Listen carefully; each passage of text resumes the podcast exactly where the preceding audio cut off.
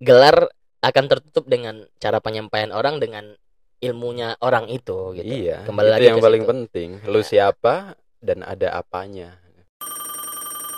Selamat datang di N Podcast, podcastnya Majalah El Nilen. Podcast ini bakal diisi oleh dua host yang unik dan langka yang tidak akan ditemukan di jagat raya mana pun di dunia. Ada Habis yang ceriwis dan Daniel yang lucu dan mengemaskan. N Podcast, suara mahasiswa untuk dunia. Assalamualaikum warahmatullahi wabarakatuh. Kembali lagi sama gua eh, Hafiz di N Podcast Suara Mahasiswa untuk Dunia. Kali ini gua tetap masih bersama rekan gua yaitu Daniel, biasa dipanggil Zia. Ay, keren banget udah itu. Tapi yang bikin berbeda kali ini sebelumnya di season sebelumnya, di episode sebelumnya kita kedatangan tamu eh, yang lumayan spesial. Kali ini tamunya bukan lumayan lagi tapi sangat spesial yaitu eh, termasuk orang-orang yang terkategorikan tokoh berpengaruh khususnya di Sudan ya gitu. Versi apa dulu?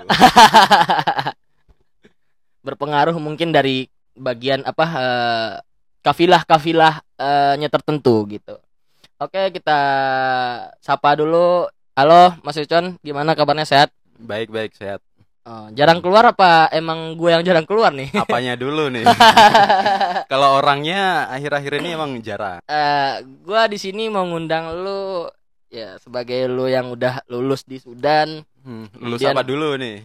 lulus kuliah dong. Kalau Lulus S1 kuliah. udah, tapi kalau S2 jenjang selanjutnya masih proses. Masih proses. Insya Allah segera dipermudah, Amin, amin, lancar insya Allah ilmunya berkah. amin. Banyak hal sih yang pengen gue omongin sama lu, bukan dalam sekedar Hmm. podcast ini doang. Wih, Bukan sekedarnya podcast ini doang, cuman karena ini khusus di podcast gue bakal bahas langsung di sini aja dah gitu. Pertanyaan-pertanyaan yang pengen gue lontarkan ke lu gitu. boleh, boleh.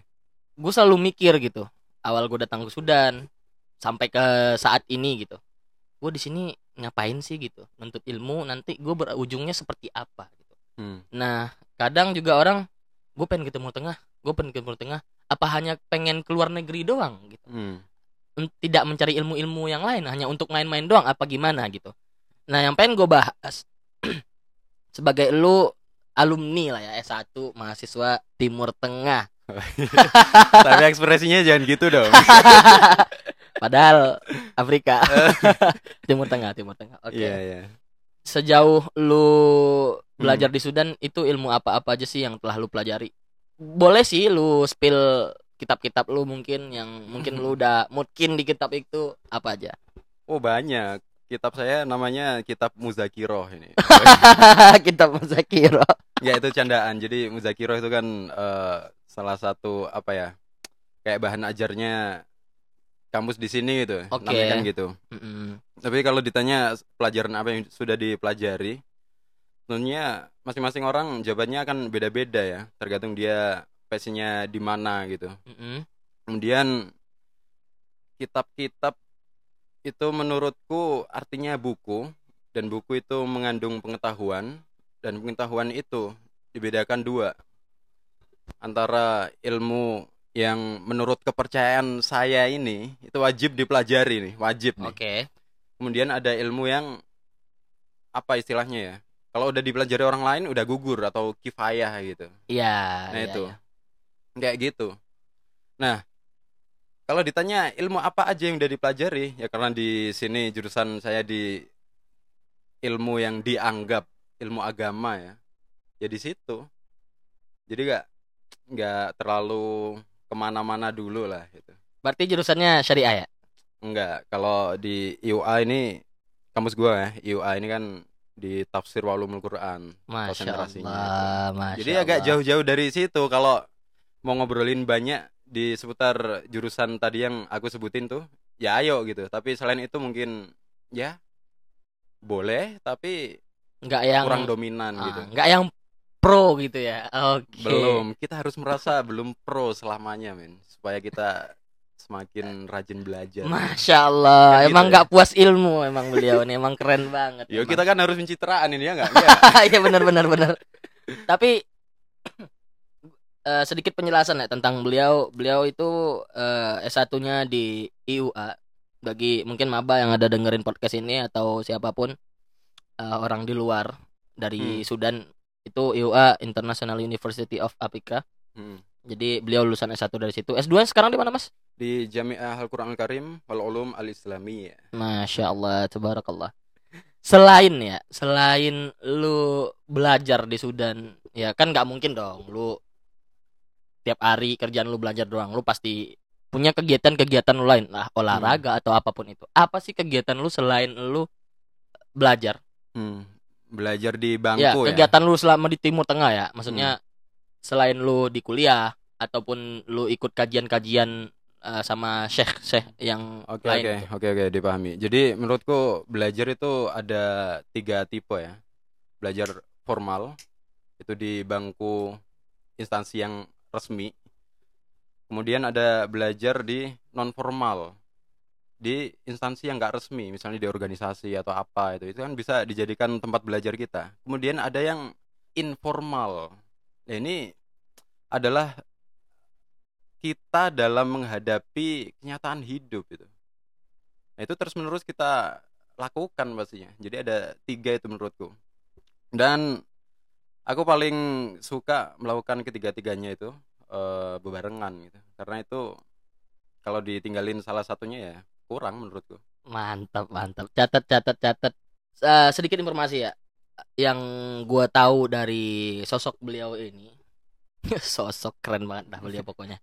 Kayak Jadi- figur berpengaruh banget ya.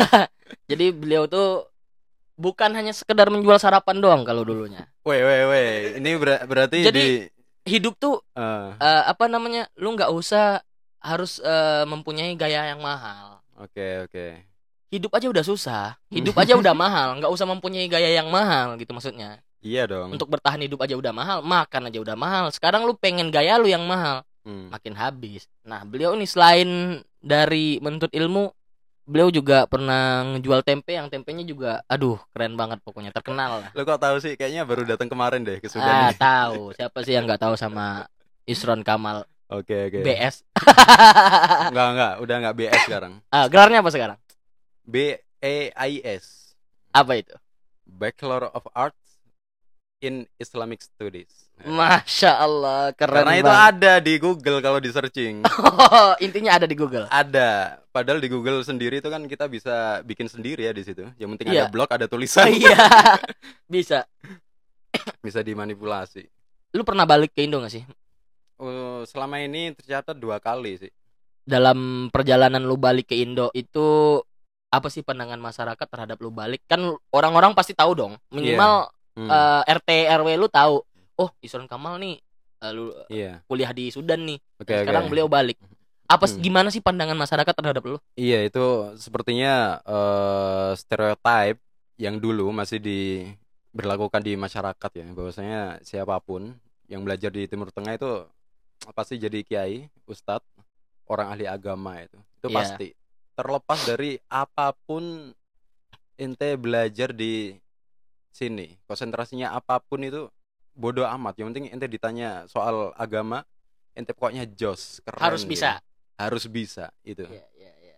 itu pasti setiap orang eh, hal yang sangat familiar lah itu klise banget ditanya sama masyarakat itu pasti mengalami Enggak lu doang, gue juga mengalami. Makanya iya makanya dituntut eh, udah bisa khutbah udah bisa eh, nyembelih hewan dengan tata cara yang, yang islami Iya. yang syar'i gitu. Kemudian ketika ada ritual-ritual apa itu disuruh mimpin itu pasti teman-teman udah ngalamin lah kayak gitu. Dan itu jangan sampai mundur menurutku. Jangan sampai mundur. Harus bisa. Nanti di sini belajar itu pasti udah tahu lah trik-trik belajar yang cepet gimana. Misalnya ada undangan dadakan ente belum mampu ya udah dibisa-bisain aja Bismillah niatnya yang bagus ibadah untuk menyebarkan Kebaikan. kemampuan Oh, kemampuan. Oke. kemampuan yang baik pastinya Nah, gua pasti selalu mikir ya. Kegiatan kita. Mungkin lu balik, mungkin waktu lu balik itu udah S1 belum sih? Belum. Eh, udah udah S1 udah lulus Oke. jadi selama eh, program S1 tuh nggak pernah pulang sama sekali sampai megang ijazah baru pulang kayak gitu eh, first impression lu bukan datang ke Sudan ya. First impression lu ketika lu datang ke Indo Hmm. dengan membawa gelar apa tadi gelarnya? Gelar BEIS. B A I S. Oke, dengan membawa Silakan di searching, ada itu. Ya boleh, silakan teman-teman kalau mau nggak percaya boleh di searching. Ya, gimana first impression lu ketika lu datang ke tanah air dengan membawa gelar B A I S? Eh, biasa aja sih. Karena Emang manusia biasa aja emangnya. karena gelar kan nggak nampak ya.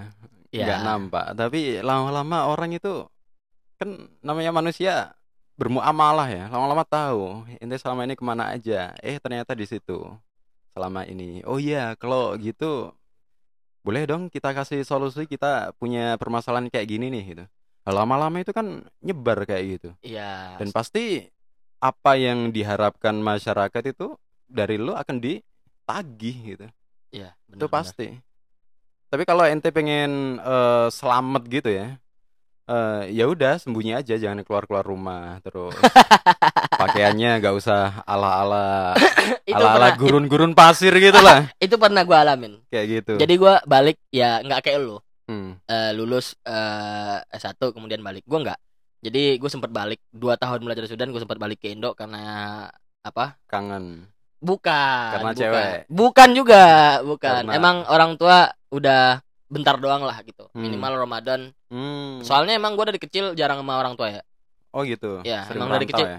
Sering gue tinggal sama nenek gitu. Oke oke oke. Jadi gue jarang sama orang tua. Sampai Hmm. sering ada kecemburuan tuh antara nenek dan ibu gue sendiri gitu. oh gitu. Kadang kok lu lama banget sih tuh sampai sebulan gitu. Nah, Hmm. jadi pas gue balik itu, gue kan belum lulus ya.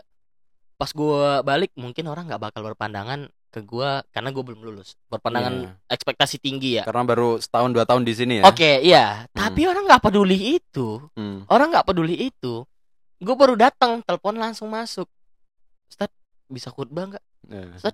Eh, malam ini mimpin Imam Isya sampai tarawih sampai witir ya. Sekalian isi khutbahnya. Mantap. Gue gue panik dong, gue panik Eh. dong.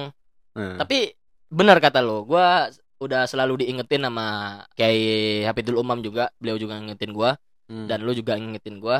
Hmm. Kalau ada ajakan entah itu mengisi khutbah, entah itu imam, Iya. jangan mundur. Hmm. Karena itu memacu diri lu iya buat menjadi iya, bener. lebih baik lagi gitu loh. bener bener jadi pengen nambahin nih jadi kita itu jangan mematok standar yang terlalu tinggi ya untuk para kalangan pengajar atau ulama gitu lah Oke.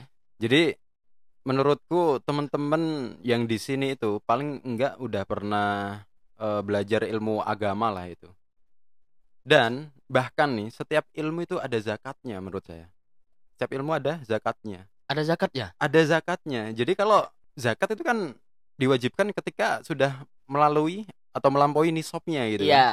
Lah nisab seorang alim itu gimana? Ya ketika dibandingkan kemampuan orang-orang yang di sekitarnya. Jadi kalau kemampuan orang yang ada di sekitarnya itu masih di bawah lo, lo berhak mengajari dan bahkan harus itu.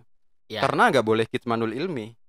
Nggak boleh kitmanul ilmi maksudku itu menyembunyikan apa yang dia ketahui gitu. Di dalam Al-Qur'an pun juga jelas kan kita diwajibkan untuk menuntut ilmu sampai kapan pun dan Iya. harus bermanfaat gitu. Iya. Maksudnya disebarkan bukan buat diri lu doang gitu. Iya. Jadi singkatnya ya, orang itu mempunyai konteksnya masing-masing. Oke. Kayak aku nih, sekarang nih. Di konteks keluarga misalnya. Kalau keluargaku rata-rata belajarnya di ilmu yang umum gitu, Oke. sains gitu. Iya. Ya udah berarti aku mempunyai keunggulan di banding keluargaku yang lain gitu, di anggota keluargaku yang lain. Iya, iya. Itu konteksku baru dalam keluarga. Ketika nanti dihadapkan oleh masyarakat di desa, saya unggul nggak gitu? Kalau ada yang lebih unggul daripada aku di desa itu, ya udah, jangan berani-berani maju kecuali diminta. Iya. Kemudian ada tingkatan lebih lagi, tingkatan kota, kaliber kota gitu ya. Kemudian provinsi, kemudian nasional atau bahkan internasional itu kan udah grand sheikh, grand sheikh kayak gitu. ya. Itu jadi memperhatikan konteks kemampuan masing-masing menurutku. benar, benar, benar. Kayak benar. gitu kan. Dan- Setuju nggak? Setuju banget gua sama yang kayak gitu. Setuju banget. Dan menurut gua ya, kalau di posisi lu mungkin Eh, ketika diminta ini itu mungkin udah sanggup ya karena emang ilmu gua ngerasa Apa ilmu sih? lu lebih di atas daripada gua. Makanya kami juga sering-sering belajar dari lu, dari teman-teman yang masih berdarah hijau yang lainnya gitu maksud gua. Darah hijau ini maksudnya apa? PKB atau apa? Ini bentar lagi pemilu nih. iya juga ya. Kacau nih kalau bawa-bawa kayak gini nih. Iya. Kan kebanyakan ya anak eh, lulusan Timur Tengah Hmm. itu ya kayak yang lu bilang tadi, lu Iya. punya ilmu harus membagikan ke orang lain. Hmm, harus bermanfaat. ya. Iya, zakat lu punya ilmu tuh ada gitu. Iya, ketika harus dibagikan. Iya, harus dibagikan ketika menyampaikan nisabnya. Nisabnya Ah. apa ya? Orang-orang lu nggak mengetahui apa yang lu ketahui gitu. Nah, betul. Nah. Sesuai konteks. Sekarang pertanyaan gua itu Hmm. lu jadikan sebuah pekerjaan atau tidak? Pertanyaan intinya lah ya. Hmm. Potensi pekerjaan anak-anak lulusan Timur Tengah maupun Sudan maupun mana pun itu gitu maksud gua. Itu apa? Apakah hanya emang lu sebagai tenaga pengajar doang? Apa gimana? Soalnya gue menurut pandangan gue sendiri ada, cuman gue Hmm. pengen tahu menurut pandangan lo gimana. Oke, oke. Kalau ditanya kayak gitu, berarti konteksnya ki- kita mau monetize ilmu agama kita apa enggak gitu ya? Iya, maksudnya kita Iya, semua orang tahu lu timur anak-anak Timur Tengah pasti belajar Hmm. ilmu agama. Hmm. Tapi apakah ada potensi pekerjaan selain Ada eh, dong, ada. tenaga pengajar agama meskipun Ada, lu belajar ada. syariah gitu? Ada. Jadi menurutku itu dalam mendermakan ilmu kita, terlebih ilmu agama itu kita nggak boleh pamrih ya aslinya, aslinya. Eh, akan tapi eh, oleh otoritas yang berwenang itu diberikan bisyarah atau gaji atau segala Iya. macam kayak gitu. Itu hal yang lumrah dong, karena kita mengubar, mengorbankan waktu kita untuk ke kepentingan orang banyak kan kayak gitu. Iya. Kemudian aku menarik kesimpulan bahwasanya menyampaikan ilmu terlebih agama itu hukumnya wajib tanpa pamrih. Oke. Dan kita itu akan semakin maksimal ketika kita sudah selesai dengan diri sendiri. Maksudnya udah mapan, kemudian udah bisa mencukupi kebutuhan sehari-hari kita kayak gitu. Karena kalau kalau kita itu masih eh, ketergantungan ya, nggak bisa eh, mandiri itu, nggak punya pekerjaan lain selain mengajar gitu. Itu nantinya kita akan eh, manfaatkan apa ya? Agama itu sebagai perniagaan gitu. Kayak Jadi- menjual agama itu. Iya, jadi nggak zuhud. Nggak zuhud. Iya, jadi nggak zuhud lagi. Enggak, maksud gua lu mau berusaha zuhud kayak gimana lagi? Lu belajar ilmu Hmm. agama yang harus lu bagikan, sedangkan anak bini lu butuh Iya. butuh duit buat Iya. kehidupan sehari-hari gitu maksud gua. Intinya itu eh, ngajar nantinya kayak kita-kita yang di Timur Tengah sekarang ini itu wajib lah. Entah itu dibayar atau enggak, itu udah harga mati. Tapi di sisi lain kita harus berusaha untuk eh mandiri gitu. Supaya kita tidak bergantung kepada gaji, kepada instansi segala macam kayak gitu. Bener sih pandangan gue juga gitu Hmm. Mas Yusron Ibaratnya kita pulang itu ngaji eh ngaji apa namanya ngajar jadi ustadz jadi kiai itu sebenarnya bukan pekerjaan bener nggak Bukan. itu bukan. sebuah kewajiban kan kewajiban itu. iya tapi kebanyakan orang mandang jadi ustadz jadi kiai itu pekerjaan nah itu Hmm. yang kadang salah pikir gitu loh bukan salah Iya. pikir sih bahasa bahasa sopannya gimana ya Hmm. gimana pis bahasa sopannya gue Iya, nggak bisa udah- bahasa sopan sopan udah, udah, masalahnya udah dipahami, Eh, dipahami. dipahami, dipahami. Dipahami. Orang-orang pada paham insyaallah dengan yang kayak gitu. Hmm. Soalnya apa ya? Menurut gua, menurut gua pribadi ya. Itu kewajiban lo. Lu nggak bisa jadiin kewajiban sama sampingan lo. Hmm. Ya prioritas lu mungkin emang menghidupin anak-anak bini lu. Biar Iya. lu tetap bisa hidup, Hmm. bertahan hidup untuk menyebarkan kewajiban lu tadi gitu maksud gua. Iya. Itu dua hal yang berbeda menurut gua. Hmm, gitu. Ya, Oke. itu dua hal yang berbeda. Oke, oke, siap. Ketika lu punya ilmu, lu wajib untuk membagikan ilmu itu kepada orang-orang yang belum mendapatkan ilmu itu gitu. Hmm. Dan pekerjaan lu nggak harus di situ. Oke, kalau lu dapat gaji di situ, ya itu sebagai hadiah nggak sih? Hmm, Bukan iya. bukan gua kurang suka dengan bahasa gaji ya. Kalau dalam lu bonus. eh. bonus, gue lebih setuju dengan bahasa yang kayak gitu. Kalau gaji terlalu kayak lu mengharapkan Iya. ya lu jadi otomatis lu pasti bakal berpikir kayak gini. Ah, gue males lah ngajar gaji juga segini. Hmm. otomatis lu bakal sempat terlintas di pikiran lu bakal seperti itu gitu maksud gua. Hmm. Makanya gua tetap selalu mikir dan orang tua gue juga selalu ngingetin gua lu belajar ilmu agama dari kecil kita ajarin sampai lu belajar di mana pun itu emang buat kewajiban lu sebagai muslim yang harus menuntut ilmu dan harus membagikannya gitu Iya benar-benar. pekerjaan lu itu udah prioritas ke lu- hid- kehidupan lu untuk Siap, apa Siap, siap, Iya untuk lu bertahan hidup dan bisa siap, menyebarkan ilmu tadi Siap. siap. itu pandangan gua Ente bagusnya ada- jadi narasumber malah. oh enggak dong enggak dong tetap tetap sampean harus Iya. ini Lagian, lagian nih, lagian. ah Kalau mau kaya, mau mapan itu, jangan ngajar. Ngajar itu apa ya? Bukan suatu pekerjaan yang menjanjikan menurutku. Kalau itu dianggap sebagai pekerjaan ya. Kalau mau kaya, mau mapan, itu dagang. Udah, Setuju. nggak ada solusi lain kecuali dagang itu. setuju banget dan gue pernah dengar eh, guru gua ngomong ketika lu Hmm. emang pengen zuhud maksudnya emang pengen fokus di ngajar anak-anak supaya orang supaya santri-santri atau santriwati menjadi lebih baik mas- masa Hmm. depan bangsa dalam agama Islam ini menjadi lebih baik ketika lu emang pengen sebagai tenaga pengajar lah kiai segala Iya. macam berarti lu siap zuhud lu Hmm. siap miskin Hmm. bukan berarti Allah tuh membiarkan hidup lu seterpuruk itu enggak karena Hmm. emang itu udah kewajiban lu Iya. bukan sebuah target eh lu menjadi eh, rich man gitu. Enggak. Siap, siap, siap. gue pengen nanya gue pengen nanya ke lu diri lu berkualitas gak sih menurut lu? Pertanyaan gue emang berkualitas dong kalau eh, dibanding orang yang nggak berkualitas. Dibandingin orang yang nggak berkualitas umum ah. Dalam hal apa dulu dan dibandingin siapa dulu kan gitu.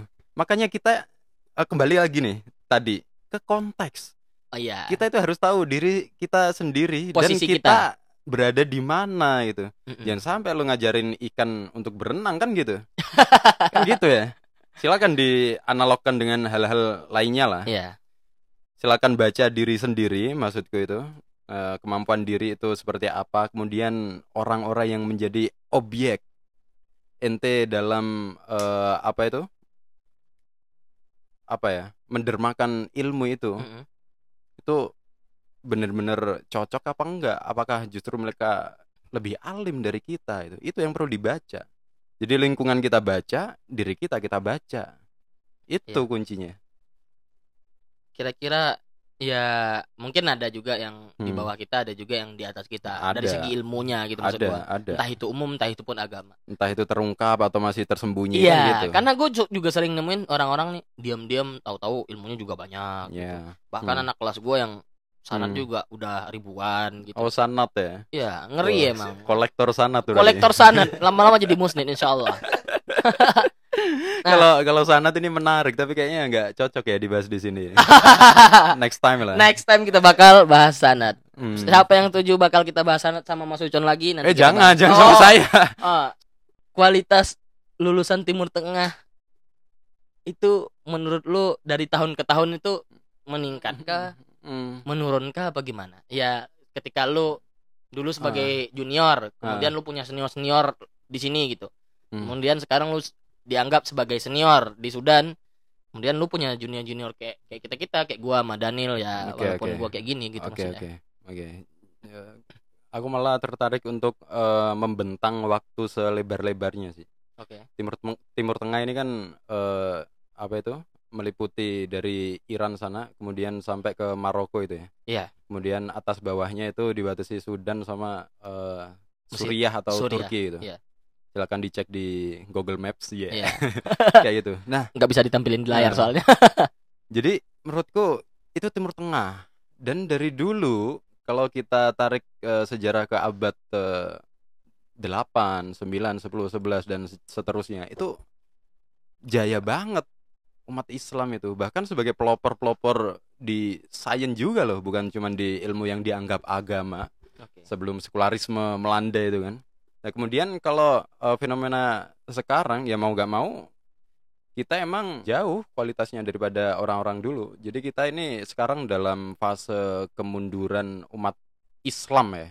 Mm-mm. Karena beberapa faktor tuh menarik banget ini kalau dibahas ada eh, ilmuwan Islam yang bahasnya itu namanya T Kuru namanya. Itu Namanya Tekuru. T. dot Kuru itu namanya. Oke. Itu tentang sejarah kemunduran Islam ada dibahas di situ. Itu menarik banget itu. Nah, dari situ kalau kita tarik sampai sekarang ini itu udah jelas kemundurannya gitu. Tapi di eh, aspek-aspek tertentu kita juga ada kemajuan misalnya dalam organizing apa itu suatu lembaga pendidikan. Iya. Ini juga lebih maju dong. Tapi dari segi keilmuan kita nggak lebih maju dibanding dibanding dulu Ya, dibanding, dibanding barat atau dibanding mana gitu yang lebih maju. Kuncinya kita menilai maju nggak maju kan apa dulu perbe- perbandingannya? Siapa dulu perbandingannya kan gitu. Iya, iya. iya. Dan dari diri sendiri ya, kalau melihat apa itu fakta senior-senior atau teman-teman sekarang di sini, ya pasti ada pergeseran, ada itu. Apalagi sekarang distraksi dari apa itu internet, sosial media itu sangat kejam sekali menurutku. Kejam, Untuk kejam. mengganggu banget menurutku. Bagi yang tidak bisa memanfaatkannya dengan baik. Iya, padahal namanya smartphone, yang make nggak smart. Ya. Kok jadi Padahal bisa digunain buat Eh. kebaikan. Gue sering ngeliat di Iya. TikTok orang banyak bilang TikTok ah ntar bisa ngerusak lo. Bisa, semua bisa. Semua bisa, Bisa. ngerusak lo gitu. Bisa, tapi bisa juga membangun kita dong. Iya, itu Kayak misalnya Cina nih, Cina. Itu dari pemerintah eh, mengontrol algoritma yang dibentuk dari aplikasi TikTok untuk warga Cina sendiri. Oke. Jadi konten-konten yang eh, sampai ke gadget orang-orang Cina itu sudah terfilter sesuai kemampuan, sesuai kemauan pemerintah Cina. Bayangin Ah. coba. Jadi kontennya itu konten-konten kreatif, kemudian inovatif. Oh iya, gue ya, gue gue sering lihat kan kayak gitu? gue sering lihat di TikTok itu cara Hmm. buat kertas dari bambu, Hmm. cara buat buat ini. Konten-konten orang Cina emang kayak gitu semua gue lihat. Nah, Yang sejauh pemerintah ini gue lihat. ikut campur di algoritma sosmed kayak gitu. Pemerintah Aduh, hampir Pemerintahnya ikut campur itu keren loh, keren kan? keren. Jadi intinya kualitas lulusan Timur Tengah itu terletak pada diri kita sendiri. Hmm, Bener gak? iya. Jadi lu eh, berkualitasnya lu ya tergantung lu perbandingannya dengan apa dulu. Hmm, Lu berkualitas dari segi syariah, eh, dari segi ilmu agama atau Hmm. ilmu umum itu tergantung diri kita sendiri. Berarti cara kita memanage diri kita sendiri menghadapi kemajuan dari barat-barat sana yang telah memberikan smartphone ini segala macam yang mungkin bisa ngerusak kita. Bisa. Iya, mungkin bisa ngerusak kita. Tapi di sisi lain bisa juga membuat kita Hmm. eh, berkembang dan Iya lebih dong. maju. Pasti, pasti. Iya, kualitas ya. Kualitas itu emang eh, tak terlepas dari sejarah sih. Sejarah kadang membuat eh, suatu tumbal atau borok gitu ya. Kemudian lama-lama orang-orang di zaman setelahnya itu yang merasakan imbasnya itu. Itu. Nah, ini, Hmm. ini kita harus eh, menanam hal-hal yang baik lah kayak gitu. Karena emang apa orang-orang terdahulu kita senior-senior kita yang terdahulu telah menitipkan amanah yang besar. Maksudnya kayak Hmm, mereka bisa menggali ilmu sedalam itu, mereka menunjukkan bahwasanya ini kita, anak Timur Hmm. Tengah tuh kayak gini gitu. iya. Beban berat ke kita dong gitu. Nah, Hmm. sekarang ini pertanyaan terakhir gua buat dulu ya. Kira-kira ya mungkin di Indonesia itu gelar nggak seberapa ya. Hmm, Yang penting gelar paling untuk cari kerjaan gitu. Ya Hmm. enggak sih? Tapi gue sempat mikir, gue sempat mikir pas gue lagi sendiri gitu, sempat mikir. Kita apakah kita harus mempertanggungjawabkan gelar BA kita atau BAIS kita itu? Awas nanti kalau udah pernah udah punya gelar ya. Iya, maksud gue ledekin balik. Iya, gue sebelum punya gelar ya. Maksud gue kita harus mempertanggungjawabkannya enggak sih? Sebagai kita gelar eh, mempunyai gelar Timur Hmm. Tengah, Hmm, LC misalnya mungkin.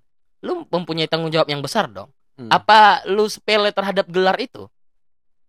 Gimana? Menurutku itu simpel aja sih. Lu siapa dan ada apanya.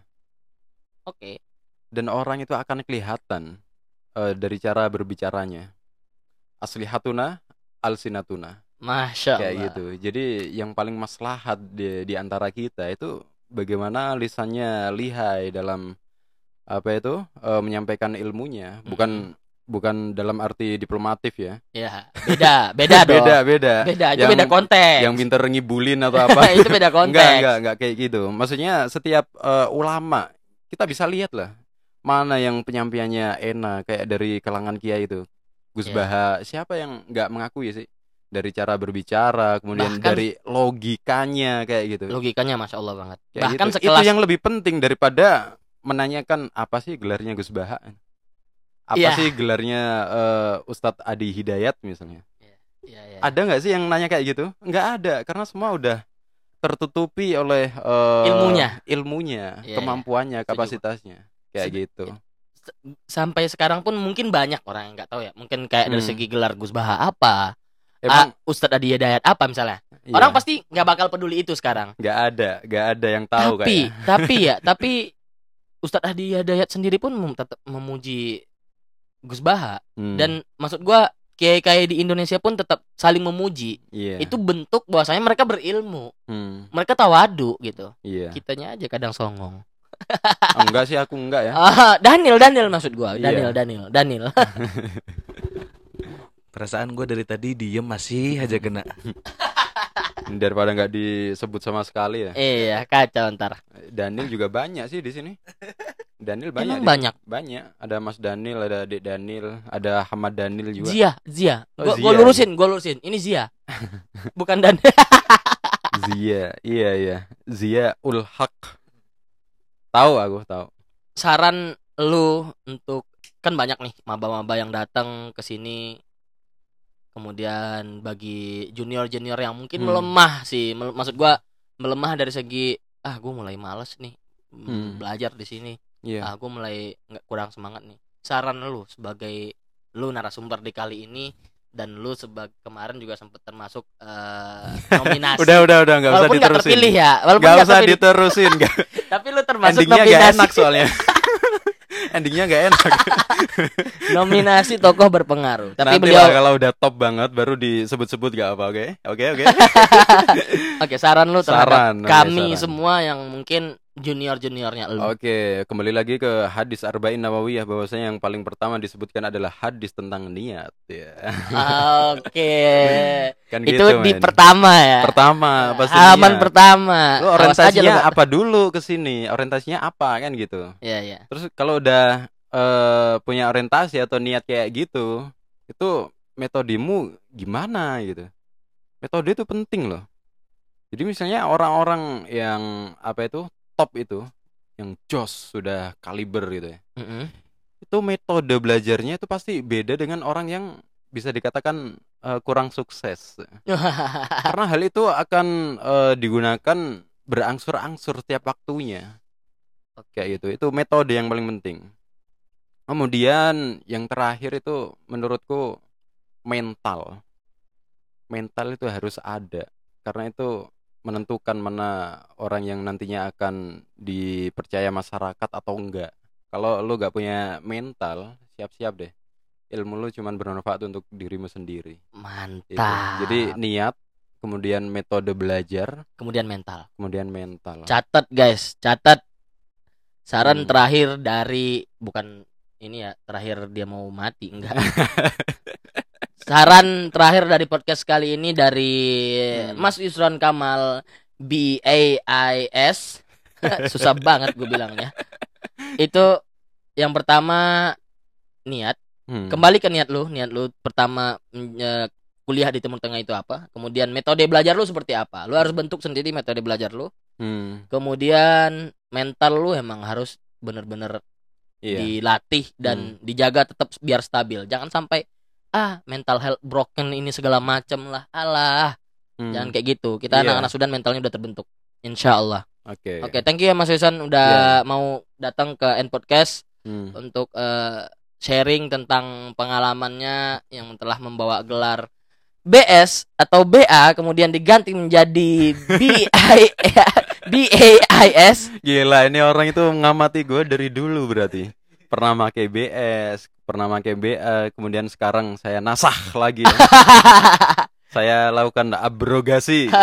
saya anulir yang dulu, kemudian B E I S. Asik. keren banget pokoknya Gak tahu nanti ke depannya kayak apa ya. Ini sementara juga kayaknya. ntar bakal diubah lagi Katanya susah baca ini. Ujung-ujungnya juga nyampe Indo LC juga. Bener juga. Karena LC itu lebih ngetren nih semenjak eh, apa itu ayat-ayat cinta ada itu. LC sejak 2006 itu LC jadi wah keren banget nih LC. Tapi kembali lagi kayak yang lu bilang tadi. Gelar akan tertutup dengan cara penyampaian orang dengan ilmunya orang itu gitu. Iya, Kembali itu lagi yang paling situ. penting. Lu siapa dan ada apanya. Oke, di sini kita bisa menilai Mas Yusron Kamal B BAIS ini seperti apa. Kalian bisa lihat langsung dan dengar langsung di end podcast ini atau mungkin bisa ketemu beliau langsung. Oke, Hmm. thank you untuk eh, podcast kali ini. Thank you banget sama Mas Ucon udah mau datang ke end podcast, udah mau sharing tentang pengalamannya, ilmu-ilmunya dan saran untuk kita sebagai junior eh, beliau. Mungkin bakal ditutup sama teman gua yaitu Daniel. Oke, kita tutup eh, end podcast kita kali ini. Terima kasih eh, untuk para pendengar semuanya. Eh, semoga bermanfaat. Semoga berkah juga untuk ilmu kita dan selalu semangat dijaga mentalnya di Sudan. Kemudian jangan lupa untuk selalu ngaji. Hmm. Oke, thank you. Wassalamualaikum warahmatullahi wabarakatuh.